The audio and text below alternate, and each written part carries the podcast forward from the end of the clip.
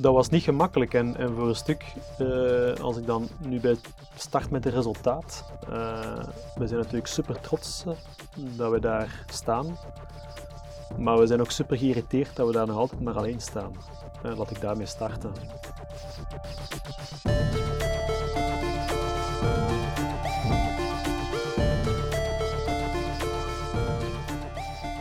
Welkom bij Health Nerd, een podcast op het kruispunt van zorg, technologie en ondernemerschap. Mijn naam is Tom Raakleers en dit is de Health Podcast.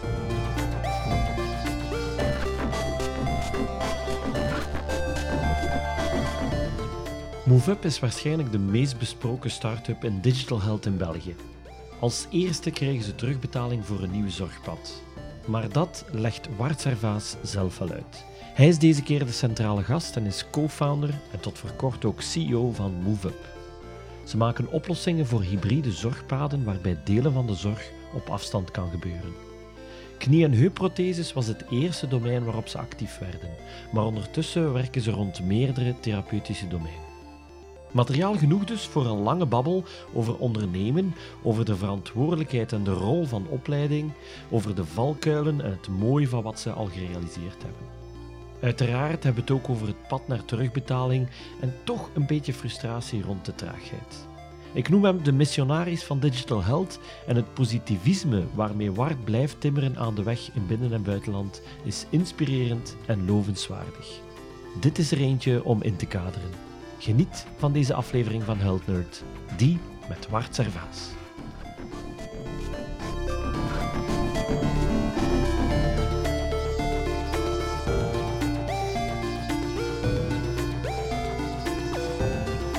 Bart Servaas, co-founder van MoveUp. Zo gaan de mensen in deze context mij het meeste kennen, denk ik. Um, wonende in Gent, um, ingenieur van achtergrond. Uh, en na wat um, omzeilingen bij, bij Philips en Nico heb ik uh, mijn mede-oprichters van MoveUp leren kennen tijdens een MBA aan de, aan de Vlerik. en zodoende sinds uh, 2016 fulltime in MoveUp. Uh, initieel als CEO, sinds midden vorig jaar hebben we een nieuwe CEO aangeworven. En um, ja, doe dat nog altijd met, uh, met de volle goesting uh, waar het met MoveUp zitten. Daarnaast ook uh, man van Manja en papa van Olivia en Alexa, twee dochters, acht en zes. En een fervent fietser. Ja, sportieve kerel. Altijd geweest? ja, van, van begin toch altijd met, ja. met sport. iets, iets dat mij een dat mijn geest een beetje kan, kan verzetten, denk ik. Zo die, uh, dat is een beetje mijn meditatie, heb ik uh, wel gemerkt. Zo uh, kunnen gaan sporten. Mits wat blessures is dat geëvolueerd naar minder impactvolle sport, zoals, zoals fietsen. Ehm, maar dat is, ja, dat is wel een, een microbe waar ik door gebeten ben. Ja. En de ingenieur in jou, wat heeft dat getriggerd? Of is dat ook iets wat je al heel je leven wist dat je dat wou doen? Nee, totaal niet. Ik denk op een bepaald moment... Uh, ik, ik heb een oudere zus en die zat al op kot in, in Leuven. Dus dat was voor een stuk van, oh ja, dat is al een pad dat, uh, hè, dat, dat, ik zou kunnen volgen. Dat is dan een beetje de, de, de, de, de jongste van, de, van het gezin. Um, maar op een bepaald moment was het ook van, goh, wat gaan we doen? Secundair vlot kunnen doorlopen. Uh, Latijn-wiskunde gedaan. Ik wist altijd wel iets met, met wiskunde, achter wiskunde. Um, maar dan, ja, het ingangsexamen was ik door van burgerlijk ingenieur. Oei, dat is een probleem, want dan kan ik dat al niet meer uit, uitschakelen als optie. misschien liever gebuist geweest. Ja, maar dat, dat had de opties, want was dan bijvoorbeeld ja. nog industrieel of burgerlijk gaan doen of, of, of nog iets anders. Uh, maar dan was die optie toch open. Dus van, oké, okay, maar weet wat, we gaan dat gewoon doen. Uh, en effectief met mijn, met mijn pa, waar gaan we naartoe? Gaan we naar Sint-Katelijne-Waver om daarin te schrijven? Uh, voor industrieel of rijden we naar Leuven? Zei van, rijden we naar Leuven. En dan zodoende wel, wel een studie die uiteindelijk achteraf gezien echt, bij, mij paste. Uh, ik zit echt een beetje in mijn, mijn profiel, het uh, toepassen van technologie en dat op een innovatieve manier naar eindgebruikers brengen, is denk ik iets dat sinds, uh, sinds die opleiding um, bij mij is blijven resoneren en hetgeen dat ik nu nog altijd, hetgeen ik bij Philips heb gedaan, hetgeen ik ook bij Nico heb gedaan en nu, uh, nu ook bij MoveUp uh, uiteindelijk. Uh, technologie samenbrengen kijken dat er ergens een marktfit kan gevonden worden met, ja, met name aan digitale technologieën. Daar ben ik mee, uh, ik zal maar zeggen, mee erop geleid, maar ook door gebeten eigenlijk. Ik zie altijd wel daar de opportuniteiten in of, of probleemoplossend denken, die je dan ook echt meekrijgt in die studie. Ehm, en dat, dat blijft een rode draad. Daar blijf ik ook door geboeid. Uh, op een manier is dat denk ik ook in de evolutie dat nu het bedrijf uh, heeft doorgelopen leid ik ook het productteam uh, momenteel. Dus dat, dat is in die zin ook het, ja, hetgeen dat, dat, ik zal maar zeggen, in mijn comfortzone zit. Hetgeen dat ik het graag doe, hetgeen ik ook zeg van oké, okay, we gaan hier tegenaan. Dus ja. En dan heb je die MBA gedaan. Is dat omdat het ondernemersbloed begon te stromen dat je een MBA gedaan hebt? Of heb je een MBA gedaan en is dan het ondernemersgevoel naar boven gekomen? Het is, uh, het is eerder dat, dat, dat tweede. Dus, dus op een bepaald moment was ik, uh, Philips, de televisieafdeling, was verkocht aan, uh, aan, aan een Taiwanese partij, eh, TPV. moest sowieso afslanken. Plots was mijn brug ook naar, ik zal maar zeggen, het grote Philips, dat ik internationaal, maar zelfs ook nog naar de healthcare afdeling of zo zou kunnen verhuizen, werd plots afgesloten. Um, dus dan een beetje van, oei, wat gaan we dan nu doen hè, met, met, uh, met mijn carrièrepad en waar, waar heb ik nog, nog goesting in? Um, en dan uiteindelijk meer, ik was wel aan het solliciteren, maar ondertussen wist ik ook van, ik kreeg zo wat feedback van, goed, je hebt een sterke ingenieursachtergrond, maar naar een andere functie ambiëren, ja, daar heb je soms wat te weinig ervaring. Dus die, van die feedback zeg van, oké, ja, weet je wat, ik ga een, een MBA doen dan kan ik eigenlijk makkelijker op een, ja, met die bagage eigenlijk een andere functie uh, gaan, gaan zoeken.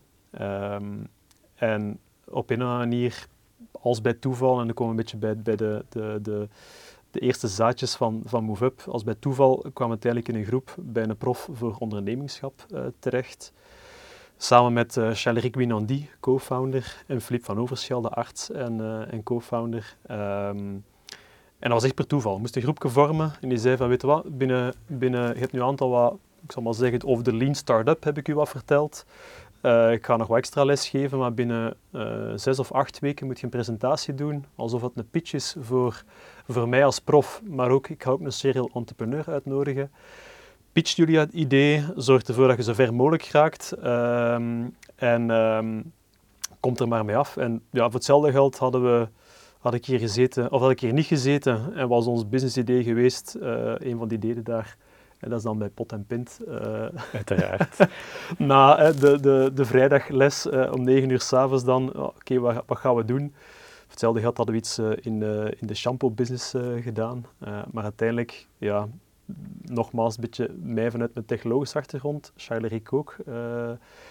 En dan Filip als arts zijn we eigenlijk beginnen, beginnen brainstormen. Heel wat brainstorms moet ik wel zeggen, heel wat pivots ook onderweg gehad. Maar daar is wel een beetje het idee, uh, het idee ontstaan. Um, en dan ja, zeiden we allemaal, hey, hier zit iets in. Uh, we kregen ook hele positieve feedback van gebruikers al direct. Um, meegedaan met een hackathon ook. En dan uiteindelijk um, ja, hadden we plots ook wat kapitaal kunnen, uh, kunnen bijeen sprokkelen bij de FFF's. Um, en dat was van, oké, ja, wie, wie, gaat er als eerst instappen? En, en vind ik wat, ja, nogmaals, die productaffiniteit heb, zei ik van, ja, dat is het eerste dat we nodig hebben, dus uh, ik wil wel de jump, uh, de jump nemen. Maar dus totaal niet die, uh, die opleiding gestart met het ondernemingsbloed kruipt, want bij mijn, ouders zijn, staan altijd bij het onderwijs, dus ik heb eigenlijk nooit echt het ondernemingschap dicht bij mij gevoeld, maar ondertussen het traject terugbekijkend, is dat iets dat echt heel goed bij mij past. Ik zocht echt naar iets dat, dat iets om te creëren, om impact uh, te hebben ook.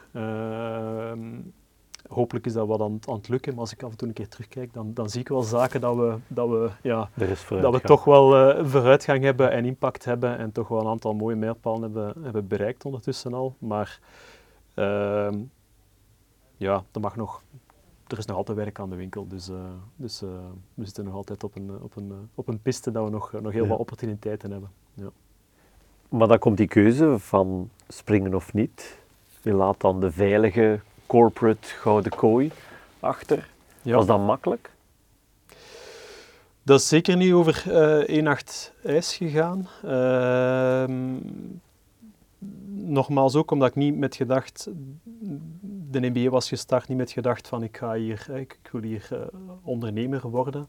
Ik denk dat daar nog te veel uh, niet over wist wat dat zou kunnen betekenen. Uh, ook dat is, dat is zal maar zeggen, een concept. Hè. Initieel, als je, mhm. als je, als je loontrekkende bent, je bent net, net van de universiteit gestapt, ik weet ik daar met een collega van, van Philips, die nu bij, bij Barco werkt, ook wel hebben gehad van, goh, moesten we een keer een idee hebben, hè, zouden, zouden we dat niet doen? Ja, en dan, de excitement is veel hoger dan het praktische plan. um, dus daar wel overal wel wilde ideeën over gehad, maar totaal niet weten, was het pad daar naartoe? Maar zo zit ik ook wel een beetje in elkaar. Hè. Ik ben, ben niet per se een dromer, eerder van, oké, welke elementen, welke tools heb ik hier nodig? Um, om van waar ik nu ben er eens te geraken. En ik denk dat voor een stuk, langs de ene kant ook wel dankzij de MBA, dat is een heel breed pakket uh, gaande van HR over corporate finance, over uh, innovation, waar ik natuurlijk al wel wat, wat, wat uh, ervaring in had, maar echt heel breed. Waar dat plots dan ook met een aantal mensen, like-minded mensen, mensen die ook zeggen van oké, wat, is hier mijn volgende stap, wat wil ik hier nu mee doen met die MBA, samenkomt. Dus, dus je voelt dat enthousiasme eigenlijk rond u. Um, maar er was ook al eigenlijk iets heel concreet dat we konden gaan doen. Er was ook al financiën. Dus dat waren voor mij een aantal criteria die voldaan, eh, condities die voldaan waren, die de balans tussen van oei, ik spring hier iets dat ik niet weet uh, en ik kom hier inderdaad van een, van een, van een goede job bij, bij Nico. Ik was er nog eigenlijk nog maar negen maanden uh, aan de gang, dus ik had dan nog maar net eigenlijk een project gestart, een groot project om, om uh, binnen de home automation. Um, ja, dat was even die, die, die draad aan doorknippen. Uh, ook natuurlijk met thuis besproken. We verwachten net toen onze tweede dochter. Dus dat was ook van, ja, schat, ik denk dat er mogelijk de, de, die twee jaar MBA, die hebben heel wat, ook wel grote druk op je persoonlijk leven.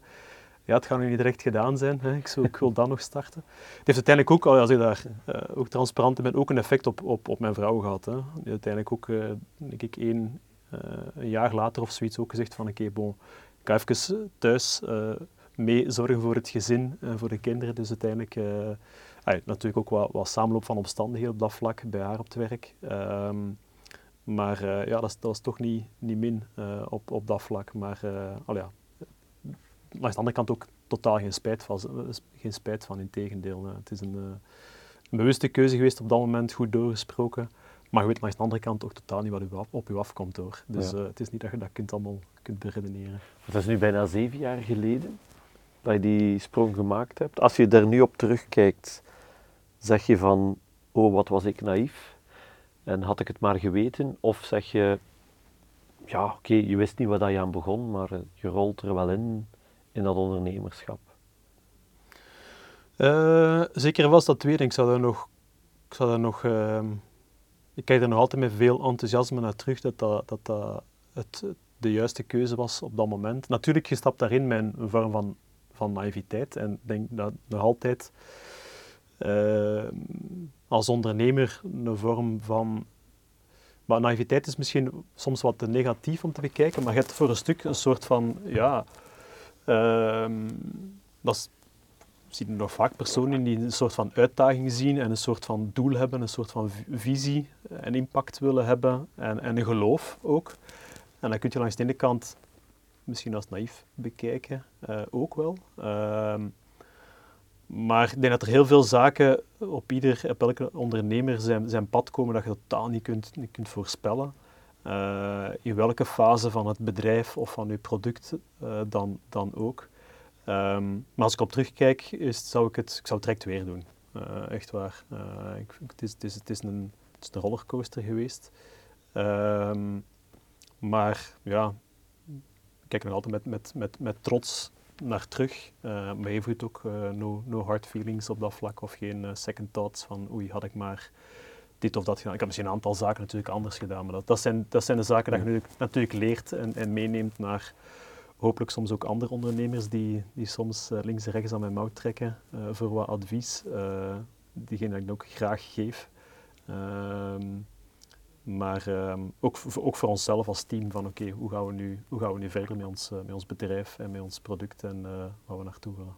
Maar jullie zijn met meerdere tegelijk erin gestapt. Jij bent gesprongen en echt de trekker eh, geworden dan. Ja. Maar je collega's, studenten zijn meegesprongen, wat dat niet altijd gebeurt. Klopt. Uh, wat was voor hun die drive om daarin te gaan? Was dat eerder geloven in het idee of dit is tof of leuk? Uh, ik weet zeker dat, dat voor, voor allemaal van ons, want dat, dat was ook een van de interessante dingen die we geleerd hebben van, van oké, willen we als ondernemer hier snel um, rijk in worden? Wilt je als ondernemer, ik zal maar zeggen, de king of the world worden? En, en ik zal maar zeggen, is, is, status en, en, en being on top of a company uh, belangrijk? Of, en dat was derde, en dat, resoneerde bij ons allemaal, willen we uiteindelijk, geloven uiteindelijk in, in een bepaalde product slash oplossing of noodzaak ook in, in, in, in de markt. Um, en denken we daar dat we met ons, met ons team een impact op kunnen hebben en samen iets kunnen creëren. Um, en of het dan straks iets is dat we uit handen kunnen geven, omdat daar iemand op ons pad komt die, die het nog meer, die, die de impact, de positieve impact die we willen bereiken, nog breder kan brengen. Um, ja, top. Daar, hoef, daar hoeft dan straks niet van, van, van boven uh, op een top Wart te staan of Charles te staan of Philippe. Um, en dat was, eigenlijk, dat was eigenlijk volmondig voor alle vier uiteindelijk. We willen die impact bereiken. Ik denk dat voor een aantal van ons, sowieso on, onze arts in team, Philippe, ja, die, we hebben daarover gesproken natuurlijk, maar die zei ook van ja, ik ga mijn praktijk niet opgeven om hierin te springen, en, want uiteindelijk is daar een duidelijke synergie te vinden tussen wat hij nog altijd doet, hè, patiënten uh, behandelen, uh, toekoer. Um, voor Chaleric is dat op dat moment, denk ik, bij BNP Paribas een, een, een, functie waar dat in die zin ook voor een stuk een, golden cage, maar waar hij ook van zei van ja, ik zie mij hier ook niet nog jaren, uh, ik zal maar zeggen, mijn, mijn, uh, mijn broek slijten. Uh, Um, en hij zat ook meer, meer en we ook die impact en we ook die drive uh, voelen en, en, en ook zijn, gelukkig zijn, uh, zijn slimme redeneringsvermogen en, en, en die gaan met, getallen en met en budgetten om alsof dat, ja, ik zal maar zeggen, alsof het niks is. Dus dat is ook een, een, een zalige, ik zal maar zeggen, personen mee aan boord te hebben. Um, maar we hadden op een andere manier eigenlijk ook ervaren. Dus dat was heel direct voor, voor, eigenlijk voor hem ook van oké, ik ga ook... Uh, ik spring ook redelijk snel na, naar jou, Wart. Uh, uh, dus uiteindelijk heeft hij denk ik vier maanden nadat ik ben gesprongen, heeft hij uiteindelijk ook ermee gesprongen. Dus uiteindelijk ja, was hij in die zin wel like-minded, nogmaals, personen waar dat we mee kunnen starten zijn. Dus dat was eigenlijk wel, wel, wel goed. Ook van begin eigenlijk ook direct een, een model, en dat is misschien al ook een element dat, dat ik soms bij een aantal uh, ondernemers ook als, als vraag op hun, hun lippen zie, is hoe dat, ik zal maar zeggen, het bedrijf verdeelt. Uh, daar hebben we eigenlijk redelijk snel ingezien van, kijk ja, we, um, dus uiteindelijk uit, uit die Vlerik MBA zijn we vier uiteindelijk binnen co-founder. Pierre Rief, uh, nog altijd aandeelhouder, maar redelijk snel gezegd van oké, ik ga mijn, mijn professionele carrière verder in bank, bankwezen verder zetten. Um, ook in het begin gezegd van kijk, ja, we gaan niet ieder een vierde van het, van het uh, bedrijf mm. geven, maar we gaan met een soort van vestingstrategie uh, werken, dat we, dat we zeggen van kijk, ja, op papier is het misschien allemaal een vierde. Um, maar afhankelijk van wie er meer tijd of fulltime kan gaan, ja of nee, wordt er eigenlijk sneller of minder snel uh, eigenlijk die vesting uh, uitgevoerd. Wat in die zin ook, als ik kijk naar een aantal andere, uh, jammer genoeg een aantal andere collega's uit, uit de NBA daar toen, maar ik hoor nu ook nog andere verhalen links en rechts, zult u ook wel gehoord hebben, dat het ja, soms, ik zal maar zeggen, op dat, in het beginstadium met volle goede bedoelingen, maar de een heeft misschien wat minder tijd dat er in kan stoppen, en dat dan aan een tijd begint te wringen. Uh, dus die afspraken hebben we heel, heel in het begin op voorhand gemaakt, waar we eigenlijk daar ons nooit hebben tijd in moeten stoppen om dat achteraf iets terecht te trekken of, of discussies of, of, of, harde woorden zijn gevallen. Nee, tegendeel. Dat was eigenlijk van oké, zo gaan we het doen, allemaal oké, goed. Uh, dit, is, dit is de manier dat we, dat we gaan vesten. Um, dus uiteindelijk qua, qua, ja, qua manier van werken en qua doel waarom dat er iemand instapte, zaten we eigenlijk uh, wel op een goede golflengte van die.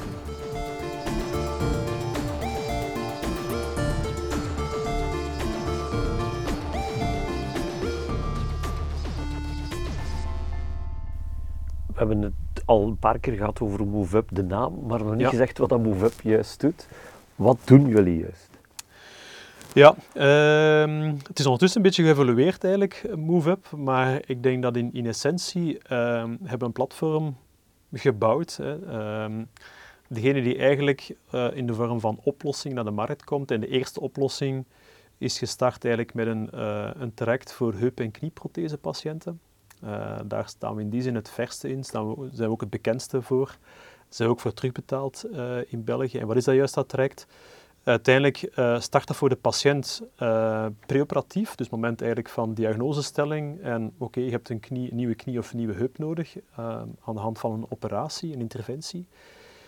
Um, en kijk, je, kunt, je hebt hier, een arts uh, schrijft dat typisch uh, voor en een patiënt begeleidt die patiënt, uh, sorry, een, een begeleidt die patiënt dan mee, zowel voor als na de operatie. En uiteindelijk, wat krijgt die patiënt via die app, ehm, is onder andere informatie, de juiste informatie op het juiste moment over dat traject. Um, maar ook als het gaat over een knie- of heupprothesepatiënt, is er een belangrijke um, vorm van de behandeling, is ook revalidatie. Dus dat betekent dat uh, informatie over oefeningen, de juiste oefening op het juiste moment. We werken ook met een, uh, een wearable, een sensor, die uiteindelijk activiteitsprofiel meet. Want ja, het heeft geen zin om ene keer per dag oefeningen te doen en voor de rest uh, stil te zitten. Maar het heeft ook geen zin om, als je heel veel beweegt, nog heel veel oefeningen bij te doen. Mm -hmm. Misschien wel specifieke oefeningen, ja. maar niet meer degene die rond mobilisatie werken, want dan zijn je eigenlijk aan het overtrainen. Um, maar ook direct gekeken naar de, het multidisciplinaire aspect. Namelijk, het gaat niet enkel voor de kinestherapeut, maar als er vragen zijn rond wonden, als er vragen zijn rond medicatie, um, dat je uiteindelijk ook in één, keer via die app kunnen meegenomen worden en werken we eigenlijk via ons platform. En als dan hè, de patiënt gebruikt een app, de kinestherapeut en de arts gebruiken een medisch dashboard, waardoor er eigenlijk ook een multidisciplinair overleg, maar multidisciplinair follow-up ook in één keer rond die patiënt eigenlijk uh, wordt opgezet. Um, en dat, dat concept werkt dus voor knie- en heupprothesepatiënten preoperatief en twee à drie maanden postoperatief, um, als, als, als medisch hulpmiddel ook. Uh, zitten we in, in de markt, daar zijn we dus ook voor, voor terugbetaald nu uh, in België, ook in een aantal buurlanden. Um, en datzelfde concept hebben we uiteindelijk gezien dat we dat ook kunnen toepassen binnen andere zorgpaden. Ondertussen is daar obesitaschirurgie, dus in de volksmond de maagverkleining, um, ook ondergevallen. zijn we onder andere gestart binnen oncologie, hebben we ook een COPD-traject. Um, en zijn we dus zodoende ook met een aantal partners. Um, dat kunnen farmabedrijven zijn, biotechbedrijven. Dat kunnen ook ziekenhuizen zijn die zeggen van kijk, we willen specifiek voor dit zorgpad of voor deze type patiënten eigenlijk gegevens gaan verzamelen. Op basis van die gegevens die patiënt kunnen assessen, eigenlijk een soort van assessment doen. Hoe staat het daar nu mee? Uh, al dan niet voor, voor diagnose. Maar met name nu eigenlijk voor de behandeling te gaan personaliseren. Van op afstand, hybride, kan ook fysiek zijn, combinatie. Um, en op die manier eigenlijk die behandeling gaan aanpassen en die patiënt opnieuw eigenlijk een persoonlijk uh, traject of een persoonlijker traject te kunnen aanbieden. Dus die closed loop noemen we dat. Mm -hmm. um, is, zit een beetje in het hart van onze oplossing um, en passen we nu eigenlijk in elk zorg, uh, zorgpad toe. Dus het start wel degelijk heel veel met data verzamelen. Uh, al dan niet met sensoren, al dan niet met vragenlijsten, koppeling met, met EPD's. en dan op een, op een evidence-based manier eigenlijk die patiënten uh, verder gaan uh, begeleiden en persoonlijk laten herstellen of laten voorbereiden voor een interventie. Jullie hebben al vrij snel de keuze gemaakt om dat niet 100% digitaal alleen te doen, maar ook daar fysieke, allez, echte, echte mensen, ja. kinesisten, desnoods aan telefoon, ook bij te betrekken, zeker in dat eerste zorgpad rond heup en knie. Ja. Was dat iets wat je by design gedaan hebt of was dat op basis van feedback van patiënten, zorgverstrekkers? We, we zagen eigenlijk, dat was echt expert input. Dus we hebben in, in het begin hebben we de, de, en, en, eigenlijk doen we dat bij elk zorgpad dat we, dat we opbouwen, gaan we echt met de experten rond tafel zitten. En, en daar zit met name ook de patiënt bij, die, die expert op, op zijn, op zijn gebied.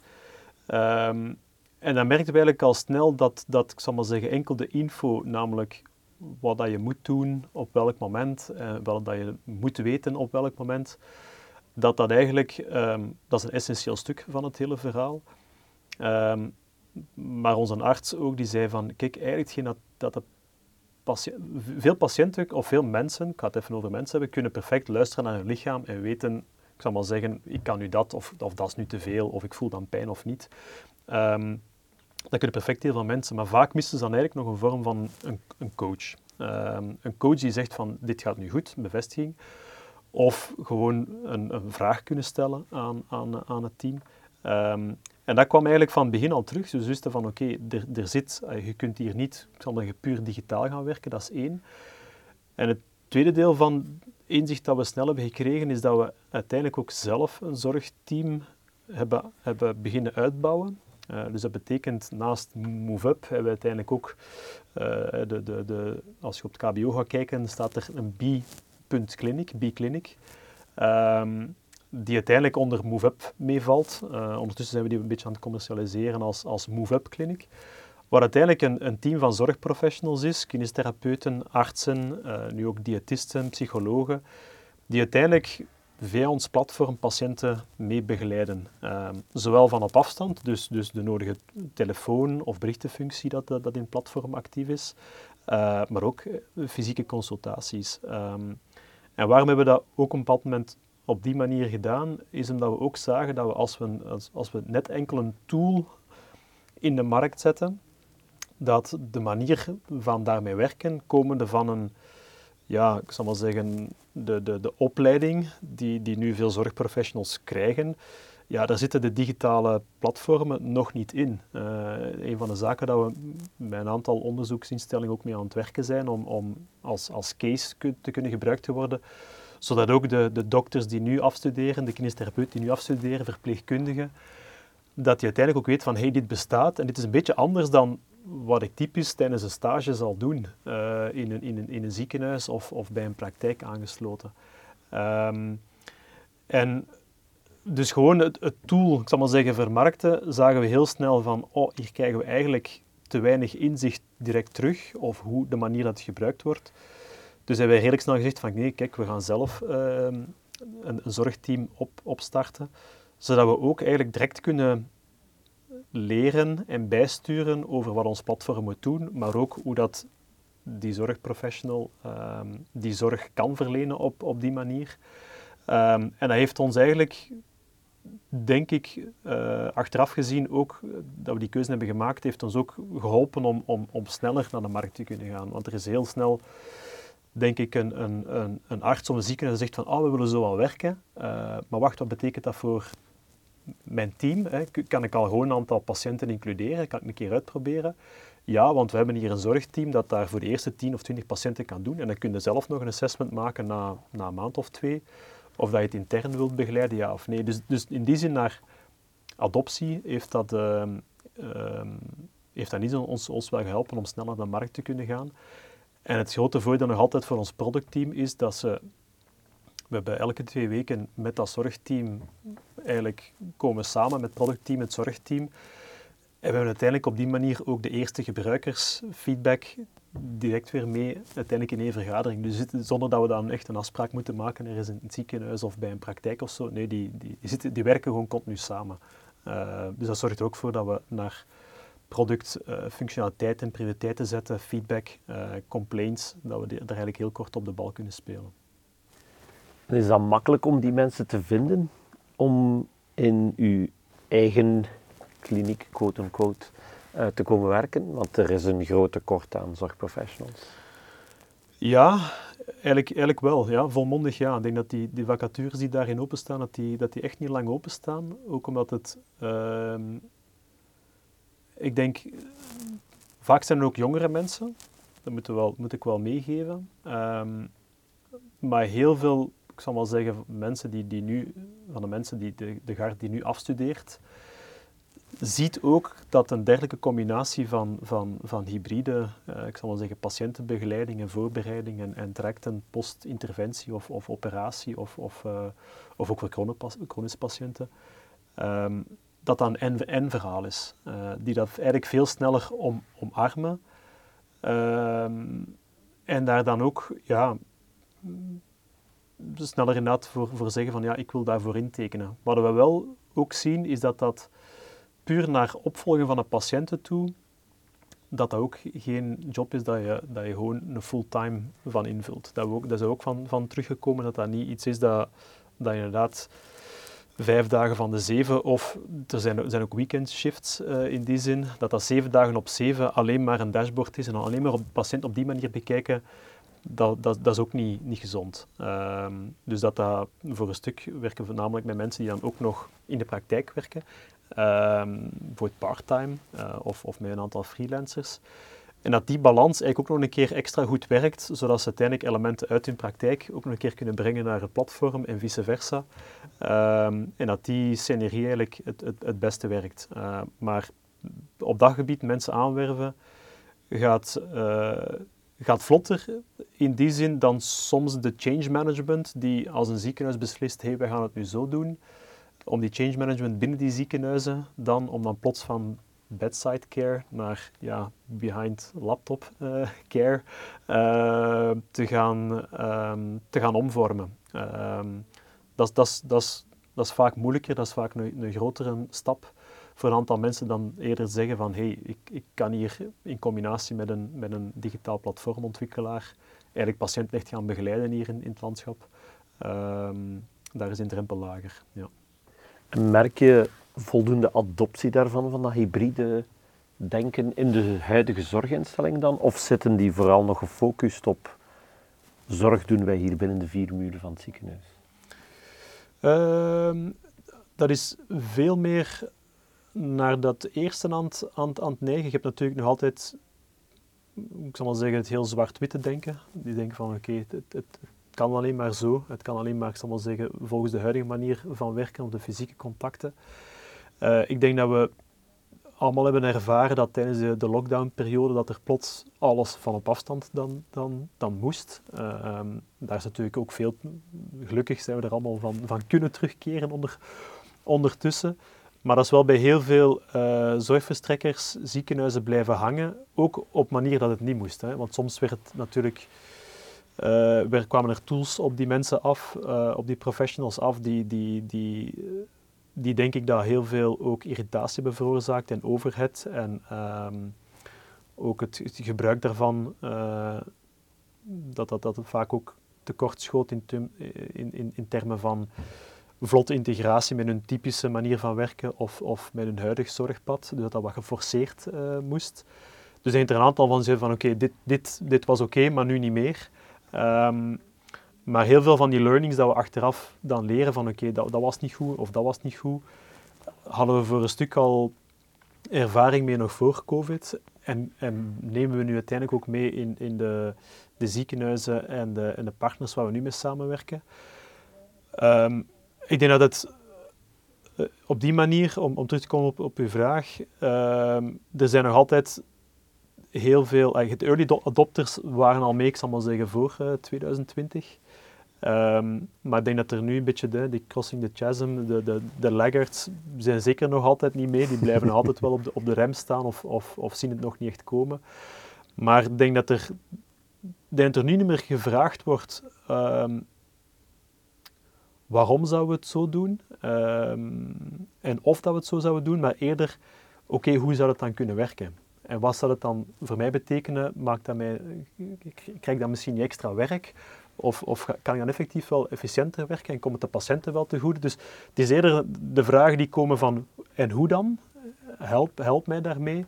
Eerder dan van ja, no way, dat gaat dat ga niet lukken. Dus, dus in die zin zijn de geesten daar wel um, gelukkig um, wat meer gerijpt, want het is, het is op een of andere manier, maar goed, we zitten hier met, met twee believers ook rond tafel en uh, waarschijnlijk ook bij de luisteraars, um, is het wel in die richting dat, dat, dat de zorg uh, gaat moeten evolueren. Als je kijkt wat er nog verder op ons afkomt en de kosten en dergelijke meer. En, en, en de bevolking, de vergrijzing, allee, noem maar op. Ehm, dus het is goed dat daar, dat, dat inderdaad een, een, in de geesten verder aan, aan het rijpen is. Ehm, maar het is zeker nog niet, we zijn zeker nog niet zo ver dat we kunnen zeggen van oké, eh, de impact is hier genoeg. Laten we ons focussen op iets anders. Nee, nee, er, is nog, er zijn nog best wat, uh, wat werven te, ja. Uh, te bespeuren op dat vlak. Ja. Je verwees daarnet ook naar het onderwijs. de studenten die nu afstuderen zien makkelijker die voordelen daarvan. Maar ze krijgen relatief weinig exposure tijdens hun opleiding. Hoe zou jij dat aanpakken? Vanuit jullie kant of, of eerder algemeen?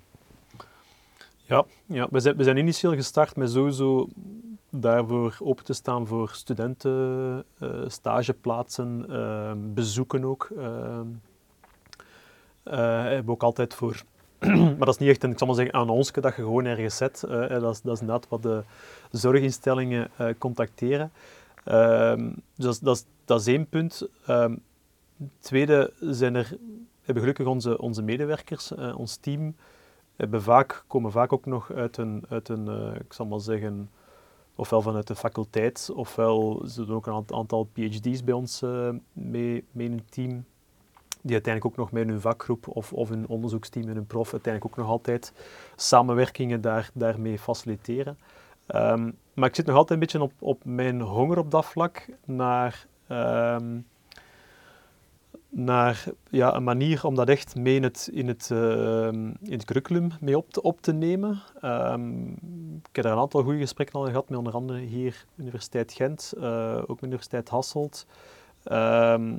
om dat mee op te nemen omdat zij ook voor een stuk zitten met van ja, het mag geen verdoken reclame zijn. Hè. Dus, mhm. dus we, we, kunnen het als case naar, naar, naar voren brengen, maar het mag in die zin geen move-up reclame zijn. En dat dan, um, um, dus ze zitten daar zelf ook nog een beetje te zoeken van hoe, hoe, dat, hoe dat ze dat best op, op, uh, opnemen. Er zijn uh, nu recent ook een aantal mooie initiatieven die dedicated rond digital health uh, willen, willen gaan werken. Uh, maar het blijft vooralsnog, heb ik de indruk, meer een, ik zal maar zeggen, een, een post-master of een post-bachelor navorming trekt. Um, eerder dan dat het, dat het mee echt embedded is in, in, in, het, ja, in de zorgopleidingen. Dat is voor een stuk jammer, want ik denk uiteindelijk dat de toekomst van binnen de, binnen de gezondheidssector en alle, alle betrokken studierichtingen op een manier, zeker ook als het gaat over uh, echt nog een heel on onontgonnen terrein rond, rond data. En dan ook wat met die gegevens kunnen doen. Uh, naar inzichten, ook, ook veel meer naar preventief kunnen gaan werken. En kwaliteit kunnen gaan meten. Dat dat eigenlijk echt ja, met de paplepel lijkt moet, moet mee ingegeven worden. Uh, nu als je mij echt vraagt van goed, hoe zou je dat doen? Ik heb er misschien nog niet genoeg over nagedacht. Uh, ik weet zeker dat ik misschien ooit in mijn, in mijn latere levensjaren in mijn carrière, mijn loopbaan, zeg ik van ik, zie misschien nog, mij nog naar het, uh, naar, verder naar het onderwijs gaan en hopelijk kan ik dan als, uh, als grijze, wijze oude persoon daar misschien nog wat van mijn levenslessen meegeven of mijn... Um, nee, maar dat, is dan het meest concrete dat ik nu aan kan denken. maar aan de andere kant, ehm, hetgeen dat ik het meest frappante vond toen, toen dat ik mijn medeoprichter Filip leerde kennen. Uh, ik kom dan, zoals ik zei, van bij Philips. En toen ik vroeg van, oké, ja, en, en hoe meten jullie, ik zal maar zeggen, als een patiënt naar huis gaat, hoe het met die, met die gaat en, en wanneer die terugkomt, wat zijn dan kritische parameters dat jullie bijhouden om, om te weten wat, wat succesvol was of niet succesvol? Ja, wacht, dat doen we niet. Ik, ik, het moment dat dat, ik viel van mijn stoel en gelukkig, ik zal maar zeggen in mijn naïviteit, gelukkig, ik zal maar zeggen ook in, in mijn gezin, in mijn familie hebben we nog niet te veel, ik zal maar zeggen, met, met de gezondheid uh, of met ziekenhuizen en dergelijke meer uh, moeten te maken hebben. Um, buiten links en rechts de geboorte en dergelijke meer. Um, maar toen ik dat terugkeek, van ja, maar wacht, elke televisie die van een band rolt in, of rolde in Brugge op de Padhoekenweg, ja, die had zeker 1000 of 1500 testen doorstaan. En er moest maar een keer een televisie terugkomen van een klant die, die niet tevreden was, dat was kot te klein. Ehm, ja, en dan gaat dat gaat over mensenlevens en over, en over onze gezondheid. Um, wordt dat niet gedaan. En dat was voor mij echt zo een, een ja, mijn mond viel open. En, en dat als ik dan even terugkom naar de fundamenten van, van binnen het onderwijs in die richtingen, ja, dat dat, ja, hopelijk is dat ehm, toch een van de eerste elementen die, die, die nu mee, meegegeven wordt uh, aan die studenten, dat, dat dat wel een van de belangrijkste parameters nog altijd buiten dan, ja, je, goed, je moet inderdaad een goede diagnose stellen en je moet die techniek onder, onder controle hebben, ja, dat klopt. Um, maar dat je uiteindelijk niet, niet goed weet wat uiteindelijk het resultaat is, of dat dat maar enkel terugkomt als je weet dat het slecht is of heel slecht is. Ja, dat is eigenlijk voor, voor een stuk waar ik denk van oké, hier, hier, hier moeten echt wel de, de, de geesten verder rijpen en, en de manier waarop dat het gedaan wordt ook, ook uh, veel anders uh, gedaan worden. En hopelijk kunnen daar een aantal goede digitale platformen die daar uh, links en rechts ondertussen zijn ontstaan, bij helpen. Hè? Want daar, daarvoor gaat het, daarover gaat het uiteindelijk ook bij ons. Het is daarbij helpen. Hè? Dat, is, dat, is niet, um, dat is niks vervangend. dat is in die zin een extra ondersteuning, extra inzicht, extra controle op die manier ook om, om toch die uh, betere resultaten, zowel naar tevredenheid als naar echt klinische resultaten, denk te, kunnen, te kunnen bekomen. Daar gaat het eigenlijk over.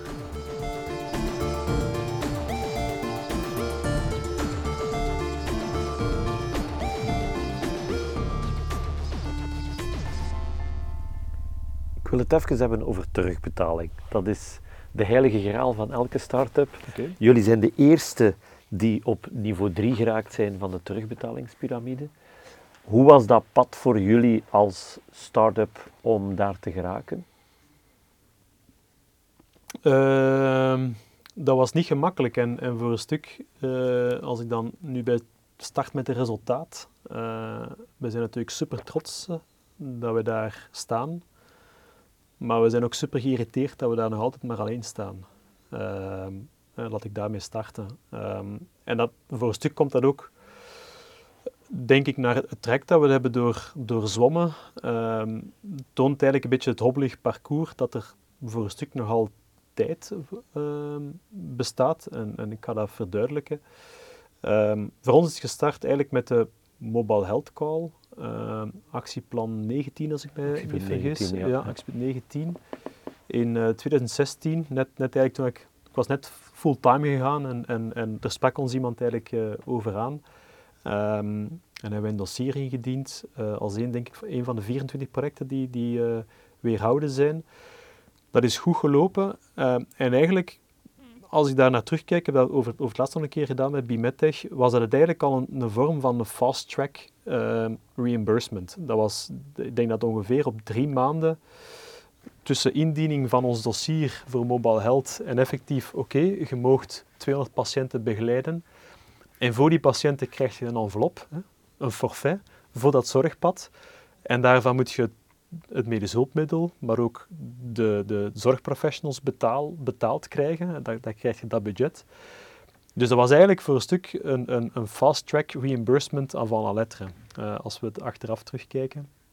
Um, maar jammer genoeg is dan in de eerste fase is dan eigenlijk blijven hangen bij die 200 patiënten waar het dan budget uh, voor was. Uh, dus we hebben dat met drie ziekenhuizen gedaan, uh, Marmilares, um, Saint-Luc en, en AZ Delta. een beetje gelijk verdeeld qua aantallen. Ehm, goede resultaten, zowel van, van de artsen als van de kinestherapeuten als van de patiënten. Um, en ik weet nog dat in, in de actie actieplan stond ook in van oké, en dan gaan we eigenlijk een framework voorzien voor terugbetaling, zowel naar juridisch. En dat bleef eigenlijk op zich wachten. Uh, dat bleef lang op zich wachten, totdat uiteindelijk pas, denk ik, in, in ja, medio 2018, als ik me niet vergis, de eerste vorm van de piramide dan uh, publiek uh, werd gemaakt. Um, super content dat daar inderdaad als, als eerste laag uh, medisch hulpmiddel, hè, medisch gecertificeerd, dus de, de, nodige accreditatie moet je daarvoor hebben. Tweede stuk interoperabiliteit, soms nog wel altijd wat, wat, vaag voor een heel aantal. Er is nog altijd werk, werk aan de winkel. Um, en dan het derde was uiteindelijk um, ja, een dossier indienen. En daar hadden we um, in 2018 het, het, het, geluk in die zin om mee als, een, als, als een soort, soort van try-out een, uh, een budget-impact-analyse te doen. Um, en ja, dat bleef voor een stuk ook wat op zich duur. Uh, wat, wat, ja, dat was wat, um, ik zal maar zeggen, we konden het indienen, maar wanneer gingen we dan feedback krijgen? uiteindelijk nooit niet echt heel concreet feedback gekregen van kijk, je mist dat op dat punt of dat op dat punt. En niet alsof, ik zal maar zeggen, bij een, een flyer-dossier voor innovatie dat je indient, weet je van oké, daar, daar is tekort of dat was niet sterk genoeg of, of, of laat je je begeleiden. Ja, op die manier is, is het nooit echt, echt gelopen. Ehm, maar ondertussen was het ja, eind 2017, begin 2018 hadden wij, ja, was ons product klaar, medisch gecertificeerd. Ja, dus moesten wij naar de markt gaan. Uh, of ja, we hadden zoiets van, oké, hier, hè, we, we, willen hier verder. Um, en dan zijn we uiteindelijk ook trajecten, uh, ik noem het even parallele trajecten, moeten beginnen doorlopen. DKV eh, heeft, heeft ons dan uh, na een aantal gesprekken en na wat resultaten te tonen beginnen terugbetalen. ook voor hun was dat voor een stuk van, kijk, we zetten jullie eigenlijk mee in de wachtkamer voor bredere terugbetaling. Ehm, om, omdat het, het, in die zin de beleidsmaker het risico ook niet wil dat er zo twee snelheden uh, zitten, dat, dat dat wel is terugbetaald, of DKV-leden dat wel hebben en andere leden dat niet zouden hebben. Uh, dus voor ons was dat een goede manier om, om te kunnen starten, uh, maar dat was altijd nog maar deels terugbetaald. En uiteindelijk heel dat direct tussen indiening en uiteindelijk een go krijgen was toen vlak voor COVID, en vlak voor de eerste lockdown. Um, heeft heel lang geduurd. Heel veel, heel veel gesprekken, ook, ook uh, onder druk gezet voor een stuk toen door, door de, de, de federatie van kinestherapeuten. Ook heel veel voor ons, voor mij nog altijd, en dat is nog altijd dat, dat, dat, ik, uh, dat te weinig transparant is, dat dat te veel eigenlijk in een ivoren toren uh, gebeurt. ondanks altijd wel de vraag van ja, betrek ons bij de gesprekken. Laat ons ik zal maar zeggen, zaken toelichten tijdens jullie discussies. Wij willen gerust buitenstappen als, als er moet beslist worden. Of ons onthouden als, we, als, als het, uh, um, ja, dat we niet mee mogen beslissen, akkoord. Um, maar dan merk ik nu nog altijd dat dat eigenlijk nog, nog een van de punten is waar je, dat, dat, dat, nog altijd niet in orde is. Als je nu inderdaad via de, de, de piramide je dossier indient, is het heel duidelijk voor dat eerste deel van het traject, wanneer je feedback krijgt, krijgt of dat je dossier weerhouden wordt of niet, of dat het voldoet en dat het voldoende potentieel heeft. Maar dan die tweede, tweede fase blijft een beetje een, een, een, een black box. Ehm, en, en dat is in die zin ook een oproep naar luisteraars, ondernemers, om toch jezelf niet te laten ontmoedigen doordat dat allemaal nog niet zo duidelijk is. Want het is uiteindelijk ook mee dankzij, uh, en dat, probeer ik nog altijd samen met Bimette en Agoria aan te trekken, maar uh, jullie ook, uh, Tom, heel hard aan te trekken om zoveel mogelijk dossiers ook in het traject te krijgen. Ook omdat dan er wordt gezien van, hé, hey, dit, dit, dit is nodig. Uh, want als het er niemand... is meer dan één uit Gent die ja, iets probeert. en pas op, er zijn er ondertussen andere dossiers ook, maar, maar nog, altijd, allee, nog altijd geen twee handen vol. Uh, en, dat is, en dat is eigenlijk jammer, want voor een stuk krijgen wij dat ook als kritiek. Bijvoorbeeld Bimettech of Nagore krijgt ook als kritiek van, kijk, ja, maar, maar er komt niemand zich aanmelden van al die apps die daar nu staan. Um, dus het is wel degelijk een oproep om daar mee aan te werken, want het, uh, ja, aan de ene kant hebben we dat, wij dat traject ondertussen kunnen vervolledigen, met redelijk wat bloed, zweet en tranen. Uh, ook een veel te lang traject voor een start-up, laat dat ook duidelijk zijn. Gelukkig hadden we ook um, uh, ja, investeerders die zeiden van oké, we begrijpen dat dit nodig is, dat dit langer kan duren, ook omdat er zaken gewoon niet onder, in, onder, onze controle zat. Um, maar ja, voor hetzelfde had dat, dat voor ons ook een, een, een, uh, een muur geweest dat we gewoon tegen waren gelopen die gewoon te lang had geduurd. Um, en uh, het is in die zin ook nog niet gedaan. Hè. Uh, wat ik bedoel, we zitten momenteel onder een conventie. Die conventie sluit in die zin af ehm, eh, eind juni van dit jaar. Ondertussen lopen er wel goede gesprekken samen met een aantal ehm, commissies. Maar het is ook dankzij een beetje de positie dat we zitten, dat we die gesprekken ook, eh, dat we weten wie dat we moeten mee babbelen. Maar dat is eigenlijk net het, het, het jammer. Dat, dat hoeft eigenlijk niet zo te zijn dat wij moeten weten waar dat je moet zijn en met wie dat je moet babbelen en wat dat je dan moet tonen. Uh, ja, er is zoveel nog, nog positieve impact nodig met, met, met uh, als ik kijk naar de, naar de collega Digital Health uh, uh, bedrijven en, en, en, potentieel daar. dat dat, dat niet logisch is dat je, dat je moet weten waar je juist moet zijn en dat je dat moet uitvinden of, of ergens uh, bij ons te raden moet komen of bij Bimettig of bij Agorian van oké, okay, probeer een keer daar, probeer een keer daar. Dat mag zo niet zijn, dat moet gewoon een duidelijk pad zijn om, om naar terugbetaling te geraken. Dus uh, dat is voor mij echt wel een pleidooi waar ik aan de ene kant uh, nog altijd zelf mee aan de kar blijf trekken of duwen, hoe dat je het ook wilt, uh, wilt zien omdat ik vind, gewoon ook niet enkel voor ons als bedrijf, maar ook voor andere bedrijven, maar even ook voor, voor, voor jij en ik, wil ik ervoor zorgen dat, hopelijk dat we allemaal gezond blijven, maar op een bepaald moment gaan we in een, in een, een dergelijke vorm van, van, van zorg terechtkomen en hoop ik echt dat we, dat we inderdaad van die digitale applicaties gebruik kunnen maken. Want ik ben een believer, eh, nogal logisch, dat dat op die manier um, het beste kan ingevuld worden, uh, ondersteund door die digitale platformen die, die, er, uh, die er zijn. Uh, en ik zou me het zou maar nou logisch zijn dat, dat misschien niet, niet mijn grootouders nu, maar liefst wel mijn ouders en, en liefst ook ikzelf of mijn kinderen op, binnen, binnen een paar jaar, dat daar op die manier die zorg kan, kan ingevuld worden. Dus ik blijf daar zelf mee, mee als de Don Quixote misschien, maar in ieder geval wel met een, met een duidelijk doel ehm, aan werken en aan trekken ehm, en, en, en lobbyen om dat, dat pad geëffend te krijgen voor, voor, voor zoveel mogelijk oplossingen. Ja, ik heb jou onlangs toch gezegd aan de telefoon. Jij bent voor mij de missionaris die het pad aan het effen is voor de rest. Maar hoe komt dat dat, dat, dat die op zich relatief eenvoudige flowchart, als ik daar even heel naïef naar kijk, ja.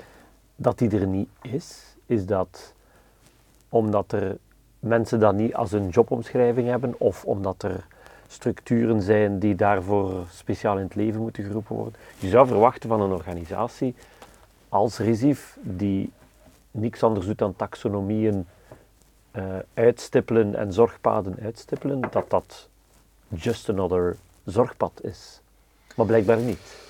Um, ja, je haalt een aantal goede punten aan. Ik denk, ik denk als ik echt heel, nogmaals, ik ben zeker geen, geen, geen uh, RISIF-kenner, maar als ik, als ik zelf zie wat dat er...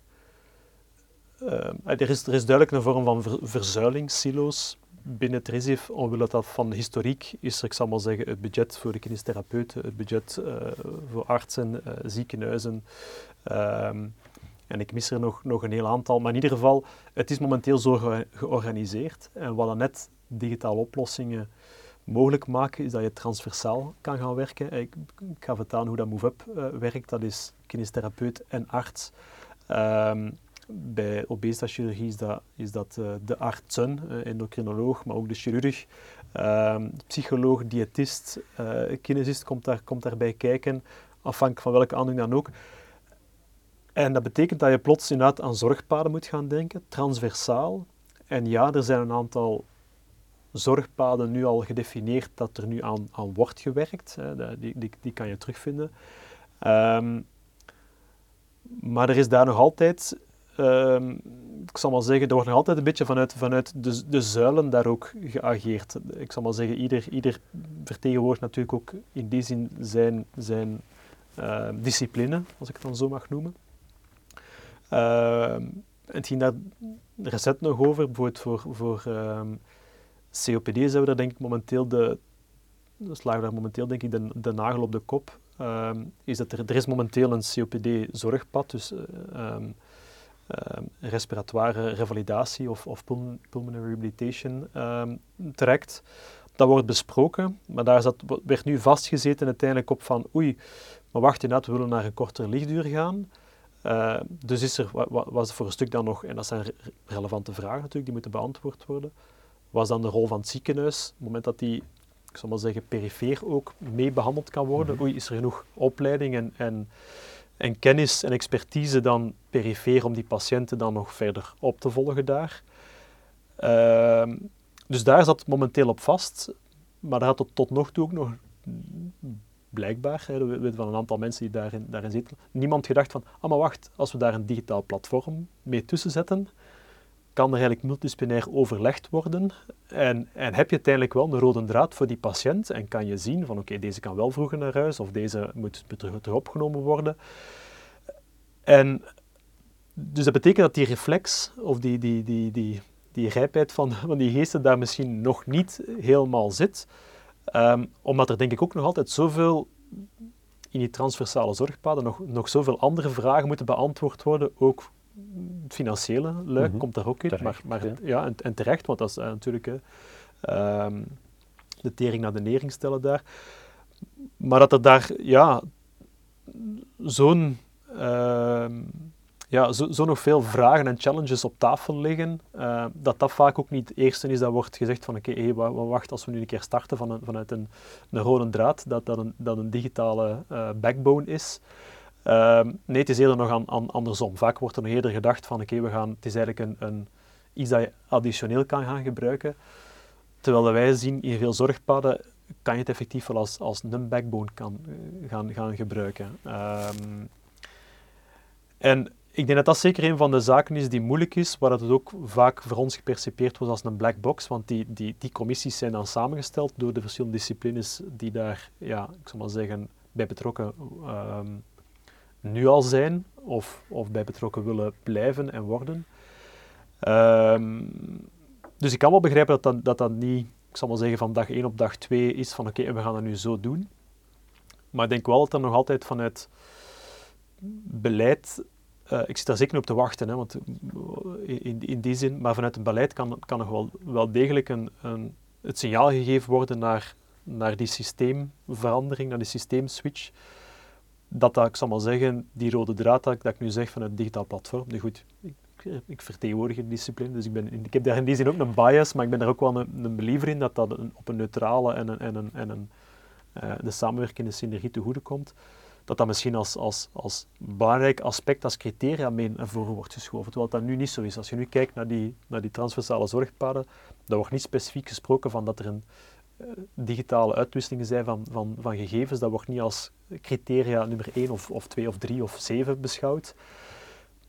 Nee, dat is optioneel. En dat kan, kan er misschien uitkomen, maar misschien ook niet. En dat is, dat is denk ik eigenlijk wat het beleid wel mee, mee kan, eh, zowel vanuit het denk ik vanuit het RISIF eh, zelf, maar evengoed vanuit de politiek, dat het eigenlijk van, vanaf, vanaf stap 1 moet kunnen meegenomen worden. Waardoor het eigenlijk ook die zorgpaden ehm, en als ik dan kijk naar ML Belgium, de, de, de piramide, dat die uiteindelijk één en dezelfde taal spreken en niet als twee aparte systemen worden gezien, wat dat nu wel zo is.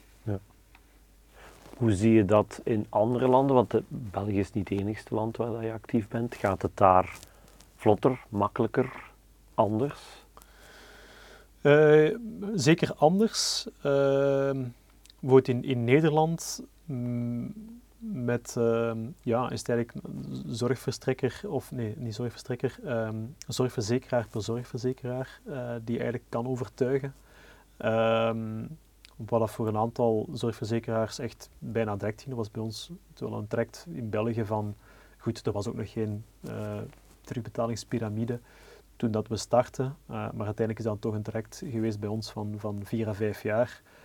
Terwijl in Nederland na vier à vijf maanden hadden we daar een akkoord met een verzekeraar rond een piloot samen met een, met een ziekenhuis, uh, Amphia um, ziekenhuis en, uh, en CZ, uh, om daar te gaan starten. Dus dat, dat ging daar veel sneller. Aan de andere kant ook wel een vorm van pilotitis in, in Nederland. Ehm, en, en dat is voor een stuk wel jammer. Dus dat, dat kan ook direct veel sneller, maar aan de andere kant probeer ze het ook wel um, eerst... Ze proberen daar sneller iets uit, maar dan misschien op, op een kleinere schaal. Terwijl natuurlijk, we weten hier bij Trisif is het... Ja, het is aan of uit, uh, zou, je kunnen, zou je kunnen zeggen. Misschien, misschien zijn er ook nog tussenoplossingen mogelijk, maar op dit moment is het wel zo. Hè. Als je naar terugbetaling kijkt, is het direct voor heel België of niet. Um, ja. Dus dat is misschien ook een reden waarom een drempel voor een aantal beslissingsnemers zo hoog ligt. Um, maar als dan bijvoorbeeld kijkt naar uh, een recente focus van ons in, in, in de US, um, dat is misschien voor een aantal mensen wat, wat, ver van ons bed, maar we nemen het nu wel als voorbeeld ook voor de terugbetaling met RISIF, de volgende stappen te, te bespreken. Daar werd gezegd met, uh, je hebt misschien ook het, het, het KC-rapport uh, gelezen rond, rond medische, terugbetaling van medische applicaties. Ja, dat wordt ook duidelijk in de conclusies of in de discussie vernoemd van kijk, ja, je kan generieke codes hebben en specifiekere uh, codes, als ik het dan, uh, ik weet niet wat zo vernoemd wordt, maar in ieder geval zo noem, ik, zo noem ik het nu even. Maar de generieke codes zijn er al van kracht, bijvoorbeeld binnen MSK, musculoskeletale domein en respiratoire domein. kan je nu eigenlijk voor welk bedrag dat een patiënt dan ook ehm, gedekt is qua zorgverzekering, en dat is natuurlijk een beetje anders in, in de US, ehm, maar kan je daar eigenlijk van dat budget, wanneer dat je als zorgverstrekker wilt, gebruik maken van die, van die telemonitoring uh, codes, uh, waardoor deels een FDA-listed applicatie en sensor, al dan niet sensor ook, maar ook de zorgverstrekker eigenlijk gewoon van die codes kan gebruik maken uh, als die patiënt binnen dat domein valt. En dat is heel breed. Uh, dat is heel breed, uh, maar dat zit wel standaard in de, billing, de billingcodes, hè, de nomenclatuur, om het zo maar mm -hmm. op, mhm. op, zijn Belgisch te zeggen. Ehm, en dat is ook iets dat veel logischer zou zijn. Ik denk dat, denk dat nogmaals, we zijn altijd heel blij dat we daar op, op top van een piramide staan, maar dat is enkel maar knie- en heuprevalidatie. Terwijl dat eigenlijk, zoals ik er straks ook zei, uh, ja, evengoed een, een hallux valgus, uh, voetchirurgie en opvolging daarvan zou perfect via, via, via een platform als dat van MoveUp kunnen verlopen, samen met de kinesist, samen met de arts. Um, en als je daar in die zin een generieke code voor opstelt, die natuurlijk niet per se eh, in die zin het budget ook onder controle houdt. Namelijk, oké, als je telemonitoring doet, dat gaat deel van je budget, dan gaat je minder fysieke sessies kunnen doen. Mhm. Het is maar zo logisch dat het dat, dat inderdaad een, uh, geen bovenop verhaal is, maar een of, ah ja, een en verhaal. Um, maar in die zin zijn, zijn in die richting zijn de geesten ook wel aan, aan, aan het rijpen ook in die discussies rond, rond revalidatie en, en terugbetaling. Um, en dat is nu van kracht in, in de US, uh, nu tweede jaar uh, zeker, uh, dat dat van kracht is. En er zijn nu een aantal aanpassingen ook. Dus een ideaal moment eigenlijk ook voor een aantal digitale applicaties zoals die van ons eigenlijk om, om in de US daarvan gebruik te gaan maken. dus uiteindelijk betekent dat dat we daar niet, ik zal maar zeggen, naar de verzekeraar zelf moesten gaan stappen. Ehm, om naar onze case te gaan maken. Nee, we kunnen eigenlijk direct van, van, van, van start met ja, ziekenhuizen, voorschrijvers, kinepraktijken eigenlijk te gaan zoeken die, uh, die van MoveUp willen gebruik maken en in die zin ook direct vergoed worden. Um, voor um, Duitsland dan, als ik wat terug dichter bij huis kom, uh, hebben we via BFarm ook een uh, dossier bij DIGA ingediend. Mm -hmm. daar de grootste beperking voor ons dan is in die zin dat het daar enkel als complementair, complementaire oplossing mag gezien worden. En niets vervangend is, terwijl dat, dat net, mijn inziens, en daarmee bedoel ik vervangend, dat het in die zin um, ja, naar efficiëntie en naar eventuele consultatie, fysieke consultatie of, of, of terugkommomenten eigenlijk kan optimaliseren, terwijl dat onder DIGA eigenlijk net niet meegenomen wordt. wat dat voor ons in die zin, zeker met de oplossing die we hebben, op dit moment ook nog altijd een beetje, ja, we, zijn daar, we gaan daar een van de komende weken beslissen wat we dat effectief gaan doen, want daar hangt ook een, een, redelijk budget aan. Maar we hebben in ieder geval een positief advies van B-Farm. We kunnen daar eigenlijk een, een DIGA, ik zal maar zeggen, direct opstarten. Um, de investering. Maar ja, op een of andere manier missen we een deel van de impact dat we kunnen hebben met ons platform, omdat het enkel maar een, een, een bovenop een, iets additioneel is uh, voor het zorgtraject daar. Um, dus dat betekent dat we eigenlijk uh, onder de vorm van, uh, als me niet Connected Care, uh, zijn we daar met een aantal ja, grote verzekeraars nu een, een um, terugbetaling dossier aan bespreken in samenwerking met ziekenhuis, revalidatiecentra voor die trajecten. Dus dat is, dat ja, na een piloot dat we in, in, in het noorden van, uh, van Duitsland hebben gedaan, is dat eigenlijk de volgende stap um, om te doen. Dus in die zin ook, DIGA wordt ook vaak als positief voorbeeld gebruikt in de, in de sector. Uh, ik zeg van ja, zeker. Hè. Je ziet daar heel veel succesverhalen uitkomen, maar er is altijd wel, er is een, grote, een grote aan dat het uiteindelijk ook uh, op dat vlak nog wat uh, tekort ziet. En dan tot slot in Frankrijk, uh, daar waren we eigenlijk in een om mee uiteindelijk het, het uh, ik zal maar zeggen, een revalidatietraject uit te schrijven ehm, met de Haute Autorité de Santé, uh, het HAS. Ehm, daar, totdat er plots eigenlijk daar wat gedwarsboomd werd, gedwarsboomd niet, eigenlijk doorkruist werd door een algemener revalidatie um. Dus dat is, dat is goed. Daar kunnen wij zeker van gebruik maken. Maar dat is dan ook weer wat beperkend in die zin dat er bijvoorbeeld voorwaarden aan gekoppeld zijn dat uh, een kinestherapeut mag maar x procent van zijn tijd aan telebegeleiding doen. Ehm, en de patiënt en de kinestherapeut bijvoorbeeld moeten in dezelfde regio wonen. dus de patiënt uit Lyon mag niet begeleid worden door de patiënt uit, uit Parijs. Maar dat, dat wordt nu ook een beetje aangevochten, omdat er eigenlijk net, uh, er is een tekort aan kinestherapeuten in Frankrijk, en zeker in bepaalde regio's uh, uh, is er een, groot tekort. Dus door die regels daar bij toe te voegen, wordt er uiteindelijk voor een stuk net eigenlijk de bal misgeslaan, omdat er eigenlijk net een tekort is. en via een systeem zoals telemonitoring, telebegeleiding, kan je net die hiaten of die gaps voor een aantal patiënten in die regio's eigenlijk gaan, gaan opvullen. Um, dus daar is het laatste zeker niet, niet over gezegd, maar het, betekent voor ons voor een stuk wel een, een, een beperking uh, om plots direct vanuit bijvoorbeeld één regio, vanuit Parijs bijvoorbeeld, direct het hele landschap of heel Frankrijk te gaan, uh, te gaan bedienen. Uh, dus dat is momenteel nog wat, zal maar zeggen, pockets of opportunity links en rechts dat we doen. Maar um, ja, dat is een beetje denk ik de schets van, uh, van de buurlanden en, uh, en de US. Vind je dan dat de patiënt daar eigenlijk, zoals het voorbeeld in Frankrijk, zou moeten kunnen zeggen: Ik vind dat voor mijzelf nuttig, dus dit is voor mij de behandeling. Er is vrijheid van therapie. Maar als je bijvoorbeeld in Duitsland zegt: Het mag alleen additioneel zijn, complementair. In Frankrijk moet het in dezelfde regio zijn, dan ontneem je eigenlijk sommige patiënten het recht op keuze van therapie. Ja, en, en ik, uh, het is heel belangrijk dat je dat aanhaalt, want we hebben eigenlijk nog, nog maar weinig de patiënt aan bod gelaten in dit gesprek.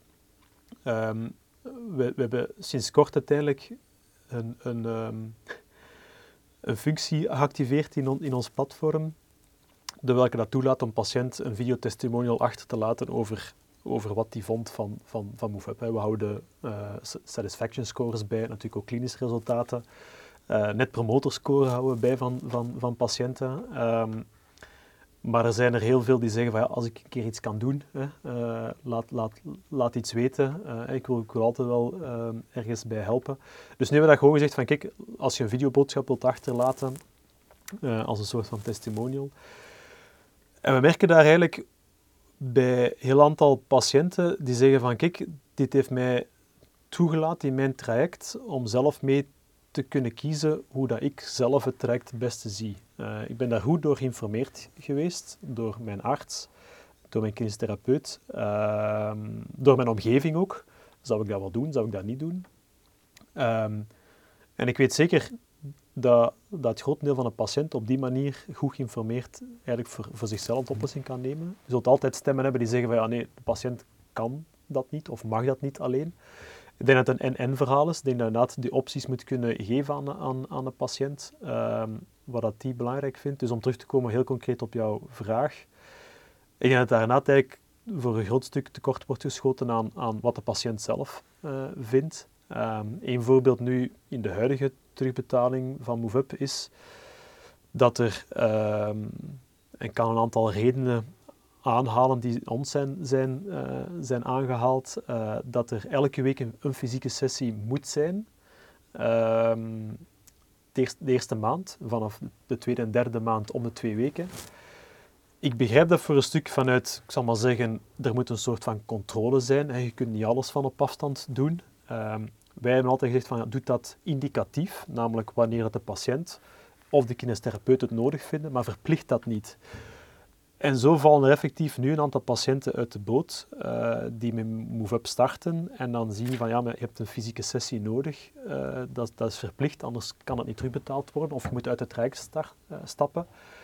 Ja, maar ja, ik heb niemand die mij kan, kan voeren bijvoorbeeld, gewoon al praktische beslommeringen, uh, want ik ben niet, uh, ik ben niet mobiel, hè. Ze, ze, mogen nog geen auto rijden. Of ik vind het ook op dit moment niet nodig. Als we kijken naar de parameters, zijn ze niet nodig. Als je het in die zin het, het, het, het per patiënt, per patiënt trekt en eigenlijk bekijken wat er nodig is. Um, dus voor een stuk zijn net de patiënten die het perfect van op afstand uh, kunnen doen, omwille van verschillende redenen, vallen die nu net, door de laatste aanpassing sinds september, vallen die nu net uit de boot. Dus de, de, de, degene die het, ik zal maar zeggen, het, uh, het meest zouden van kunnen gebruik maken, of waar het meest voor geschikt zou zijn, die, die worden op een of andere manier door, ja, door, door, door een consensusmodel uh, eruit gevrongen. Um, en dat is jammer. Uh, en dat is voor een stuk ook wel een van de redenen waarom dat we onze stoute schoenen aan aangetrokken en gezegd van kijk, beste patiënten, er komt um, een aanpassing van, van de, de de terugbetaling aan, hè, voor het traject dat jullie zelf hebben kunnen volgen. Als je wilt, laat jullie testimonial achter. Hè, um, en op, op, als jullie het oké vinden, deel dat ook met, met, met de mensen die mee bij het RISIF, het gaat niet enkel over het RISIF, maar ook met mee bij het RISIF dat, dat beslissen.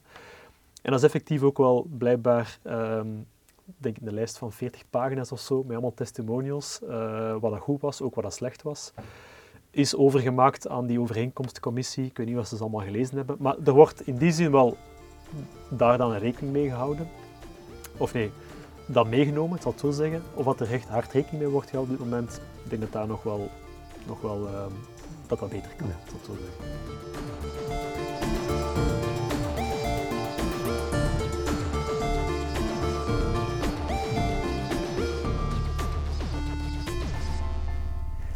Ik wil nog op uh, één punt terugkomen. In, uh, in het begin zei je van, ik ben sinds kort CEO af. We hebben een nieuwe CEO aangetrokken. Ja. Van waar die keuze?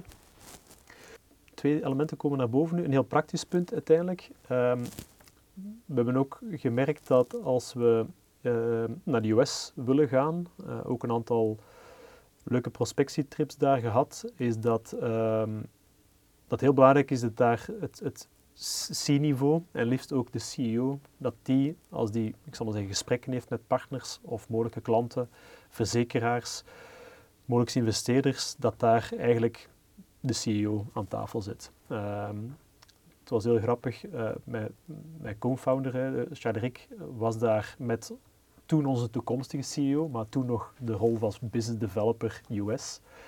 Uh, Kieran is zijn naam, Kieran McCord, uh, een Ier die al, al langere tijd in de US uh, woont. En die zat er een bepaald met iemand, een, een, een persoon aan tafel die, die, die mee, kon, mee aan het kijken was van oké, wat zou Move betekenen voor langs de ene kant partijen die hij vertegenwoordigde. Maar evengoed, hij zei van ja, ik zou eigenlijk ook wel willen investeren. uiteindelijk de waardering was, was, was niet in orde, maar uiteindelijk niet doorgegaan. Maar dat zullen we een keer bespreken als jullie CEO erbij is.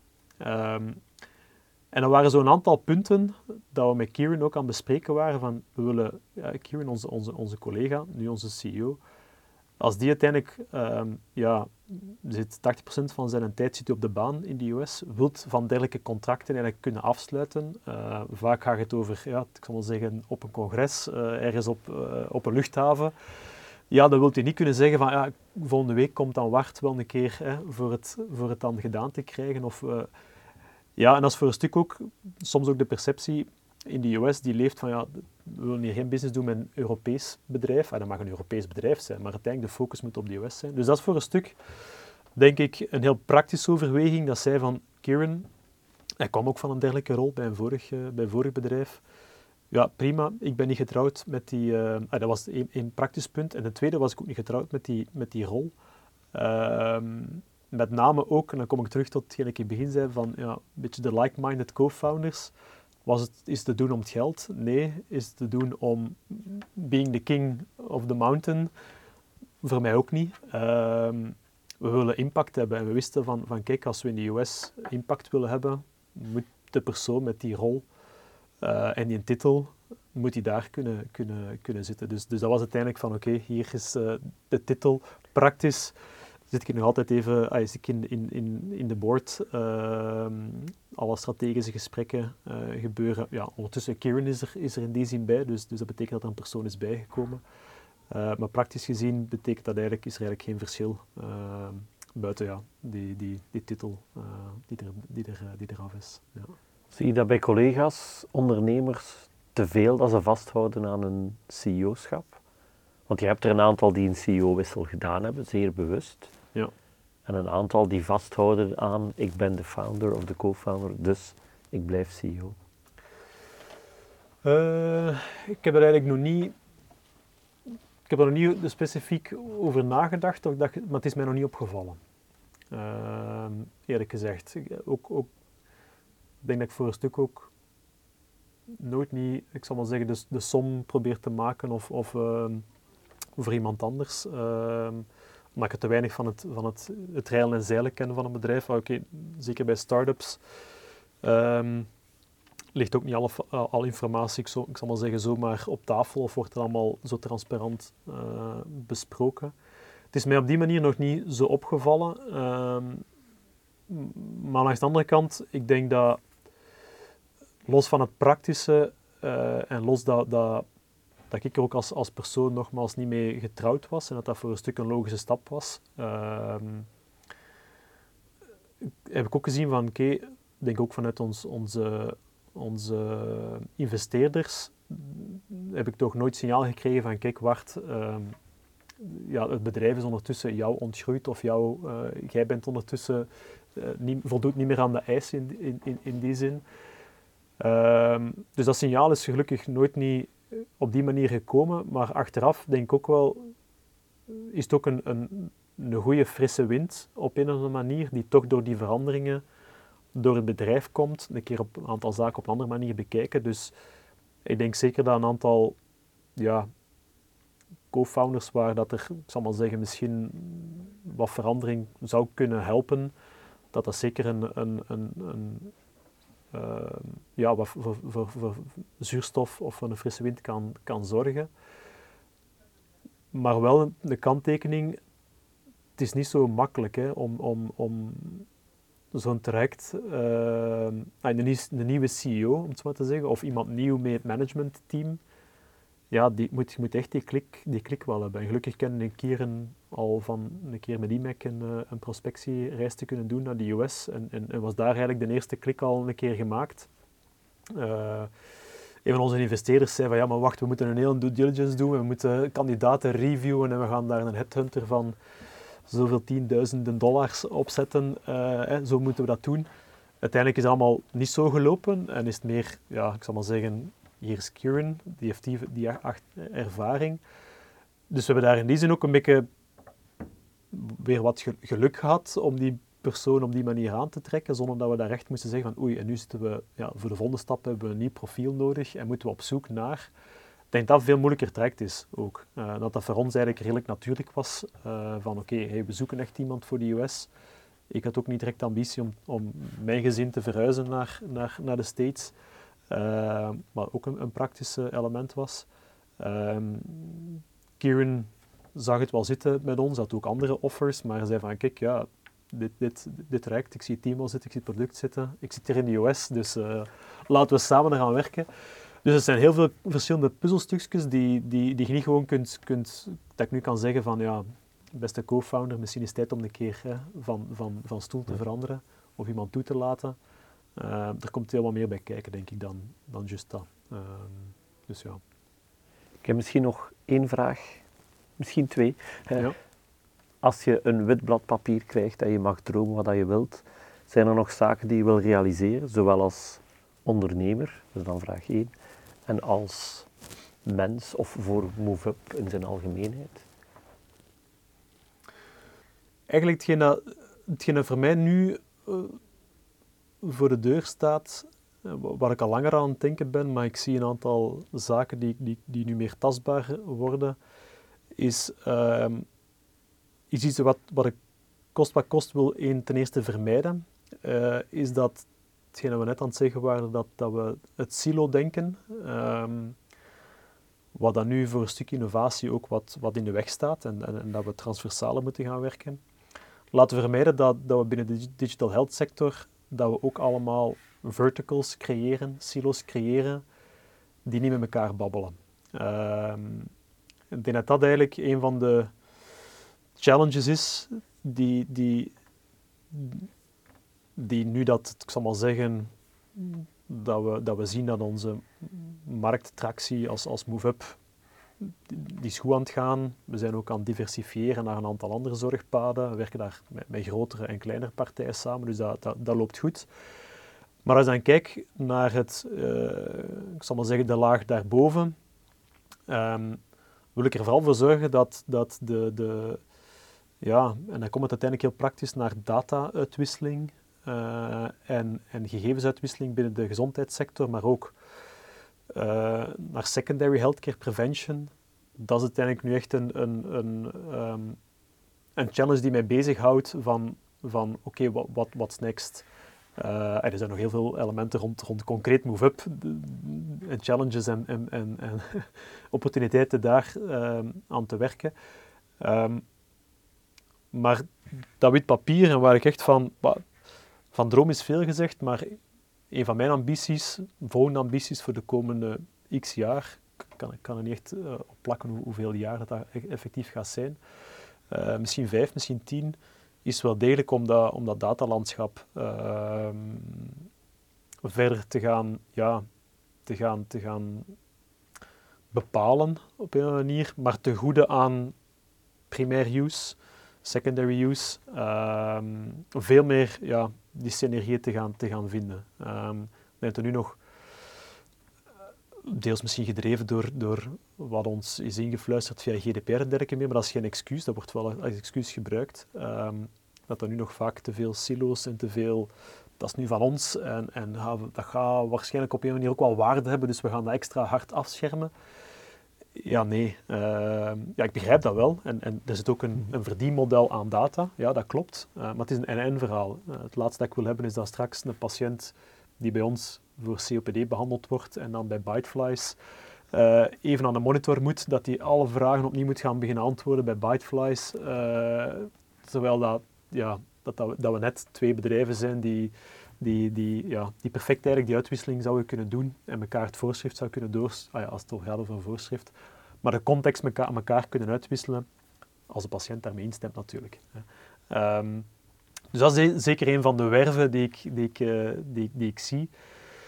En dat liefst niet enkel op Belgisch vlak, dat liefst op, op Europees, globaal. Uh, is misschien nog een stap moeilijker, misschien nog een niveau hoger zitten, maar in ieder geval op, uh, ja, de, voilà, dat is misschien dan de droom uh, of, de, of de naïviteit die, daar, die daarmee in zit. Um, ja, en voor de rest denk ik naar, naar op meer persoonlijk vlak. Uh, ja, dat is misschien heel clichématig, maar ik denk dat het belangrijkste is dat we gewoon kunnen doen wat we voor een stuk uh, willen doen. Uh, dat we daar gezond in zijn, zowel voor uh, vrienden als familie als, uh, als dergelijke meer. voorlopig nog heel veel gespaard. Dat goed, links en rechts wat blessures en dergelijke meer, wat zaken. Dat, geeft, oh, dat kan wel anders. Um, maar um, ja, op dat vlak ben ik ook niet zo'n dromer, meer zo van, ja, als ik nog veel kan fietsen en, en, op vakantie kan zijn en met mijn gezin kan genieten, uh, in combinatie met die challenges dat we net hebben over gehad, uh, daar impact hebben, uh, ja, dat zou ik de max vinden. En dan, als ik dan koppel naar, naar hoe dat ik mezelf nog verder zie evolueren, ehm, het zij binnen MoveUp, ja, ik, zie mij, ik zie mij uh, was er bij de 16 Personalities, ben ik ook zo'n een, een, diplomat advisor-achtig iets. Dus, dus ik zie mij nog echt wel in, in, in meer adviesrollen uh, zitten. Uh, ik, ben, doe altijd graag als er, als er een start-up op een manier aan mijn mouw komt trekken, kijk ik al van oké, hoe, hoe kan ik hen zo goed mogelijk helpen? Want er zit altijd zo'n een, een heerlijke drive in, in die mensen. even goed ook bij mij, ik herken me daar, daarin daar op zijn minst ja, door een dergelijk gesprek hen mee, mee op gang kan zetten. Het zij in een, in, een, in adviesraad, het zij op een andere manier. Ehm, dus dat is, dan ja, waar ik nog verder van droom, hoe dat ik mijn latere carrière nog verder zie evolueren. Ja. Zie je ooit volledig move-up lossen en zeggen nu ga ik rentenieren? De multi-million dollar exit of multi-billion dollar exit? rentenieren niet. Ik heb een... Ik heb een um, er zit zo'n een, een, een, continue... Vroeger was ik een heel zenuwachtig man. Ik had voor alles zenuwen. Ik kon niet slapen van oh, morgen een toets of morgen gaan we dat doen. Uh, of ik, kan, ik, kon, op niks wachten uiteindelijk. Gelukkig, die zenuwachtigheid is weggegaan. Maar er zit zo een eeuwig vuurtje in mij dat, dat, dat zoekt naar challenges, dat zoekt naar uh, impact. En, en ik heb dat op een of andere manier in mijn ben heel blij dat ik uiteindelijk in de gezondheidssector ben, ben terechtgeraakt. Want ik heb vroeger, toen ik zei van ja, naar waar rijden we, naar Leuven of naar Sint-Katelijne-Waver, Uh, toen stond zeker ook nog, nog geneeskunde op, op mijn, een van de opties. Maar ik ben heel blij dat ik, dat op een andere manier daar, daar uh, ben terug in geraakt.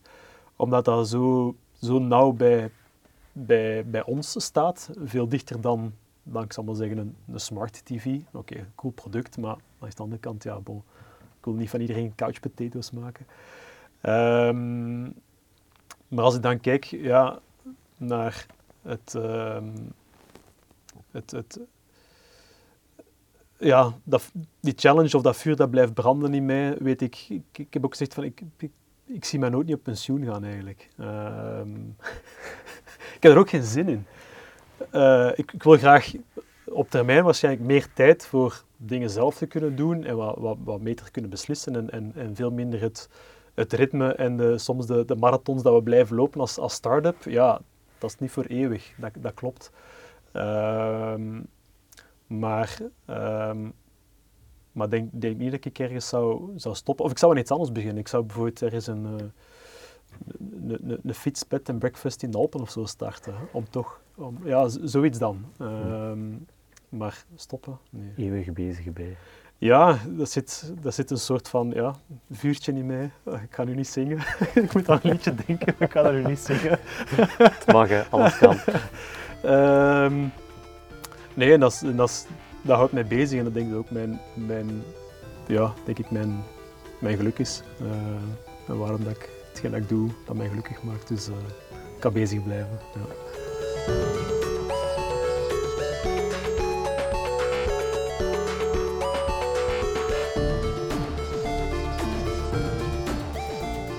Hiermee sluiten we deze aflevering van Held Nerd af. Wil je deze of andere afleveringen herbeluisteren? Ga naar je favoriete podcastapplicatie of bezoek healthnerd.eu. Heel graag tot de volgende.